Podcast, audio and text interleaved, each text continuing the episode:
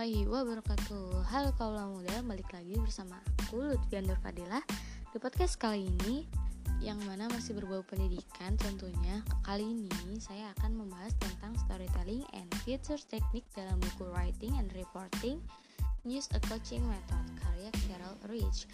Di podcast kali ini ada tiga poin yaitu pemaparan resume materi yang akan saya buat. Pertanyaan yang saya kepada para pendengar dan tanggapan saya atas pertanyaan dari kelompok sebelumnya. Oke, tanpa banyak basa-basi kita langsung mulai aja. Enjoy. Yang pertama ada narrative writing atau penulisan naratif. Adalah sebuah kisah dramatis dari sebuah cerita fiksi atau non fiksi. Biasanya penulisan gaya ini membutuhkan pelaporan menyeluruh dan detail deskriptif. Dialognya juga meningkatkan penceritaan karena kan lebih seperti sebuah novel atau drama ya daripada hard news story gitu dan sumbernya seperti karakter yang menghidupkan kembali peristiwa dalam nyawa jadi ceritanya sendiri tetap harus memuat unsur faktual dasar berita tapi penyajiannya berbeda-beda seperti siapa tokohnya, apa alurnya, kapan kronologisnya, mengapa motifnya, dan di mana tempatnya. Yang kedua ada membaca untuk menulis. Nah, penulisan yang baik dalam membaca yang adalah pembaca yang baik. French berkata bahwa dia terinspirasi untuk menulis naratif setelah dia membaca sebuah buku oleh penulis besar Amerika Latin, yaitu Gabriel Garcia Marquez. Wah, menarik banget ya bacaannya.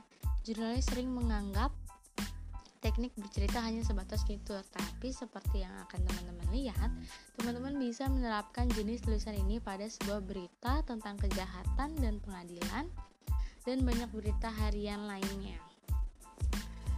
Selanjutnya ada reporting tools. Mary Ann Lichtenstein sendiri memiliki naluri pendongeng, seorang mantan penulis fitur untuk The Des Moines. Dia tahu bagaimana menemukan sudut pandang yang luar biasa. Di musim panas, dan Lichtenstein sendiri meliput pameran tahunan Loa State. Dia itu awalnya sedang jalan-jalan aja nih, dari satu stand ke stand lainnya untuk mencari cerita fitur yang bagus. Niat banget ya teman-teman untuk menulis sebuah cerita, dia rela jalan-jalan di sebuah pameran demi mendapatkan sudut pandang yang berbeda. Dikte sendiri selalu mencari sudut pandang yang bagus atau tema untuk ceritanya. Fokusnya adalah alasan cerita yang harus dimuka, yang harus dikemukakan singkatnya. Tapi tema adalah perangkat sastra dari suatu sudut atau pendekatan pemersatu. Biasanya jika teman-teman melihat sesuatu yang membuat teman-teman terpesona, itu mungkin akan membuat pembaca juga terpesona. Ini salah satu cara untuk menemukan tema atau sekedar ide untuk sebuah cerita, katanya. Mengumpulkan detail yang bagus dan kemudian memilih yang akan bekerja dalam cerita, teman-teman. Nah, teman-teman juga bisa menginginkan orang-orang dapat melihat cerita teman-teman kan biasanya bisa pilih detailnya muncul di benak teman-teman aja. Yang teman-teman ingat saat kembali ke kantor dan beritahu sesuatu yang akan apa yang teman-teman kemukakan. Begitu kata Lichtage nah teknik observasi semacam ini adalah alat penting bagi pendongeng. Selama proses pelaporan teman-teman tuh bisa bisa selalu mengetahui detail yang teman-teman perlukan saat teman-teman menulis cerita teman-teman sendiri. Jadi teman-teman bisa mengumpulkan sebuah detail yang teman-teman bisa untuk membantu teman-teman mengumpulkan detail spesifik, teman-teman bisa membayangkan sebuah tangga dengan anak tangga di depannya dari yang umum sampai yang khusus. Teman-teman juga bisa mulai dengan kata-kata benda yang paling terluas dan dibawa masuk ke dalam tingkat yang paling spesifik seperti pada diagram yang berdekatan. Kemudian, gunakan detail itu untuk menulis selanjutnya ada writing tools atau teknik um, atau penulisan teknik setelah anda mengumpulkan sebuah detail itu apa yang teman-teman bisa lakukan dengan mereka lebih baik teman-teman sebagai reporter teman-teman akan semakin kesulitan sebagai penulis untuk memutuskan sebuah informasi menggunakan apa Nah, di sini ada tiga alat dasar mendongeng, yaitu tema, teknik menulis, teknik menulis deskriptif, dan teknik penulisan naratif. Tema sendiri sebelum teman-teman memulai untuk menulis cerita, teman-teman bisa mengembangkan sebuah tema, konsep yang memberikan arti cerita. David Marani sendiri seorang penulis Washington Post yang memenangkan penghargaan Pulitzer menjelaskan dengan cara ini nih teman-teman. Tema itu yang membuat pembaca tuh biasanya ingin membaca ceritanya, bukan grafik kacang yang diperlukan oleh banyak editor untuk menulis sesuatu yang universal seperti kematian, hidup, ketakutan, kegembiraan, bahwa setiap orang dapat terhubung ke dalam beberapa cara adalah apa yang saya cari di setiap cerita, begitu katanya. Yang kedua di deskriptif teknik, terlalu banyak deskripsi itu kan biasanya akan mengacaukan cerita terlalu sedikit juga akan membuat membaca menjadi kosong. Nah, bagaimana penulisan deskriptif teknik yang pas? Pertama, teman-teman bisa putuskan apakah cerita itu cocok untuk deskripsi adegan atau orang. Teknik penulisan deskriptif sendiri yang baik itu meliputi teman-teman bisa mulai dengan menghindari kata sifat detail spesifik dengan kata benda dan kata kerja yang jelas tapi hindari pengubahan saat teman-teman menggunakan kata sifat, teman-teman tuh beresiko memasukkan opini teman-teman ke dalam ceritanya. Teman-teman juga bisa menggunakan analogi, yang mana sebuah analogi yang baik membandingkan konsep yang tidak jelas dengan sesuatu yang familiar kepada pembaca. Misalnya, apa itu pria gendut? David Finkel tidak meninggalkan keraguan dalam karyanya cerita tentang pemain sirkus. Bagaimana eh, teman-teman bisa memvisualisasikan manusia terbesar di dunia adalah kata lain dari pria gendut. Selanjutnya ada batasi deskripsi fisik jika gunakan deskripsi fisik hanya ada relevan dengan konten. Dari deskripsi seksis atau rasis saat teman-teman memutuskan untuk memasukkan deskripsi orang, waspadalah terhadap seksisme, rasisme, atau tulisan bias lainnya. Tunjukkan orang beraksi. Salah satu cara paling efektif untuk menggambarkan orang atau tempat adalah untuk menunjukkan tindakan. Teman-teman bisa menggunakan kata aksi dengan contoh memeras kehidupan dari dunia yang penuh aksi. Wah, pemandangan dengan menetapkan di mana dan kapan. Meskipun itu umum untuk menetapkan sebuah waktu dan cuaca, sering kali dalam memimpin Berhati-hatilah menggunakan teknik itu, kecuali faktor waktu dan cuaca relevan dengan cerita teman-teman.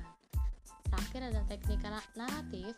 Penulisan naratif menggabungkan deskripsi, show in action, dialog, plot, dan rekonstruksi.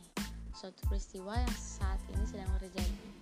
Ini adalah jenis tulisan yang membutuhkan ikatan iman dengan pembaca karena atribusi terbatas kamu butuh perjelas dari mana teman-teman mendapatkan informasi tapi teman-teman juga tidak perlu mengatribusikannya secara berulang kali teman-teman bisa menggunakan atribusi ikhtisar untuk bagian-bagian cerita dan kemudian atribusi secara berkala terutama saat teman-teman mengutip sebuah sumber.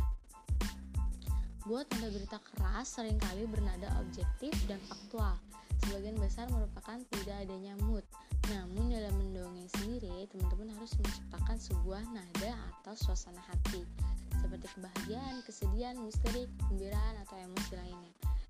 Pembaca juga membutuhkan feelnya saat mereka membaca atau e, mendengarkan sebuah cerita. Selanjutnya ada mendongeng naratif. Mendongeng naratif ini ada dua teknik dalam penyampaiannya, yaitu teknik pelaporan dan teknik penulisan. Teknik pelaporan sendiri menetapkan kronologi, mengumpulkan detail, mengajukan pertanyaan untuk mendapatkan sebuah sumber, untuk merekonstruksi peristiwa tertentu menggunakan semua indera. Nah, teknik penulisan sendiri diatur berdasarkan teknik bagian dalam urutan waktu. Meskipun sebagian besar cerita terjadi di masa lalu, setiap bagian berurusan dengan yang berbeda bagian dari kehidupan karakter terutama mengikuti urutan kronologis dengan kemarahan yang tinggi akhiran untuk setiap bagian. Teknik lain yaitu kalimat pendek, mondar-mandir, dialog, definisi-definisi, deskripsi, dan narasi. Selanjutnya ada narasi serial. Gaya mendongeng narasi serial ini yang jadi sangat populer, populer karena cerita-cerita panjang yang disajikan dalam sebuah seri dengan setiap bagian diterbitkan pada hari yang berbeda. Jika ceritanya cukup menarik, pembaca akan kembali untuk bagian selanjutnya nih. Format ini cocok untuk web, di mana setiap bab dapat disajikan pada halaman web terpisah. Contohnya itu bisa dari webtoon, webpad, atau ebook itu kan biasanya. Tapi kalau misalnya ebook itu biasanya terbit pas udah semuanya itu uh, jadi sebuah cerita yang lengkap tapi kalau misalnya webtoon dan webtoon itu kan biasanya tiap berapa hari sekali atau berapa minggu sekali mereka akan update part selanjutnya Nah, narasi serial juga membutuhkan plot yang menarik tentunya dengan elemen-elemen berikut. Yang pertama ada karakter yang menghadapi masalah, yang kedua perkembangan situasi, yang ketiga ada resolusi. Penulisan naratif menempatkan pembaca di tempat kejadian dengan menciptakan kembali peristiwa-peristiwa tersebut. Nah, ceritanya sering kali mencakup dialog, ketegangan, dan urutan kronologi dari plot yang meningkat menjadi klimaks seperti dalam cerita fiksi lalu berakhir menjadi sebuah solusi atau kesimpulan.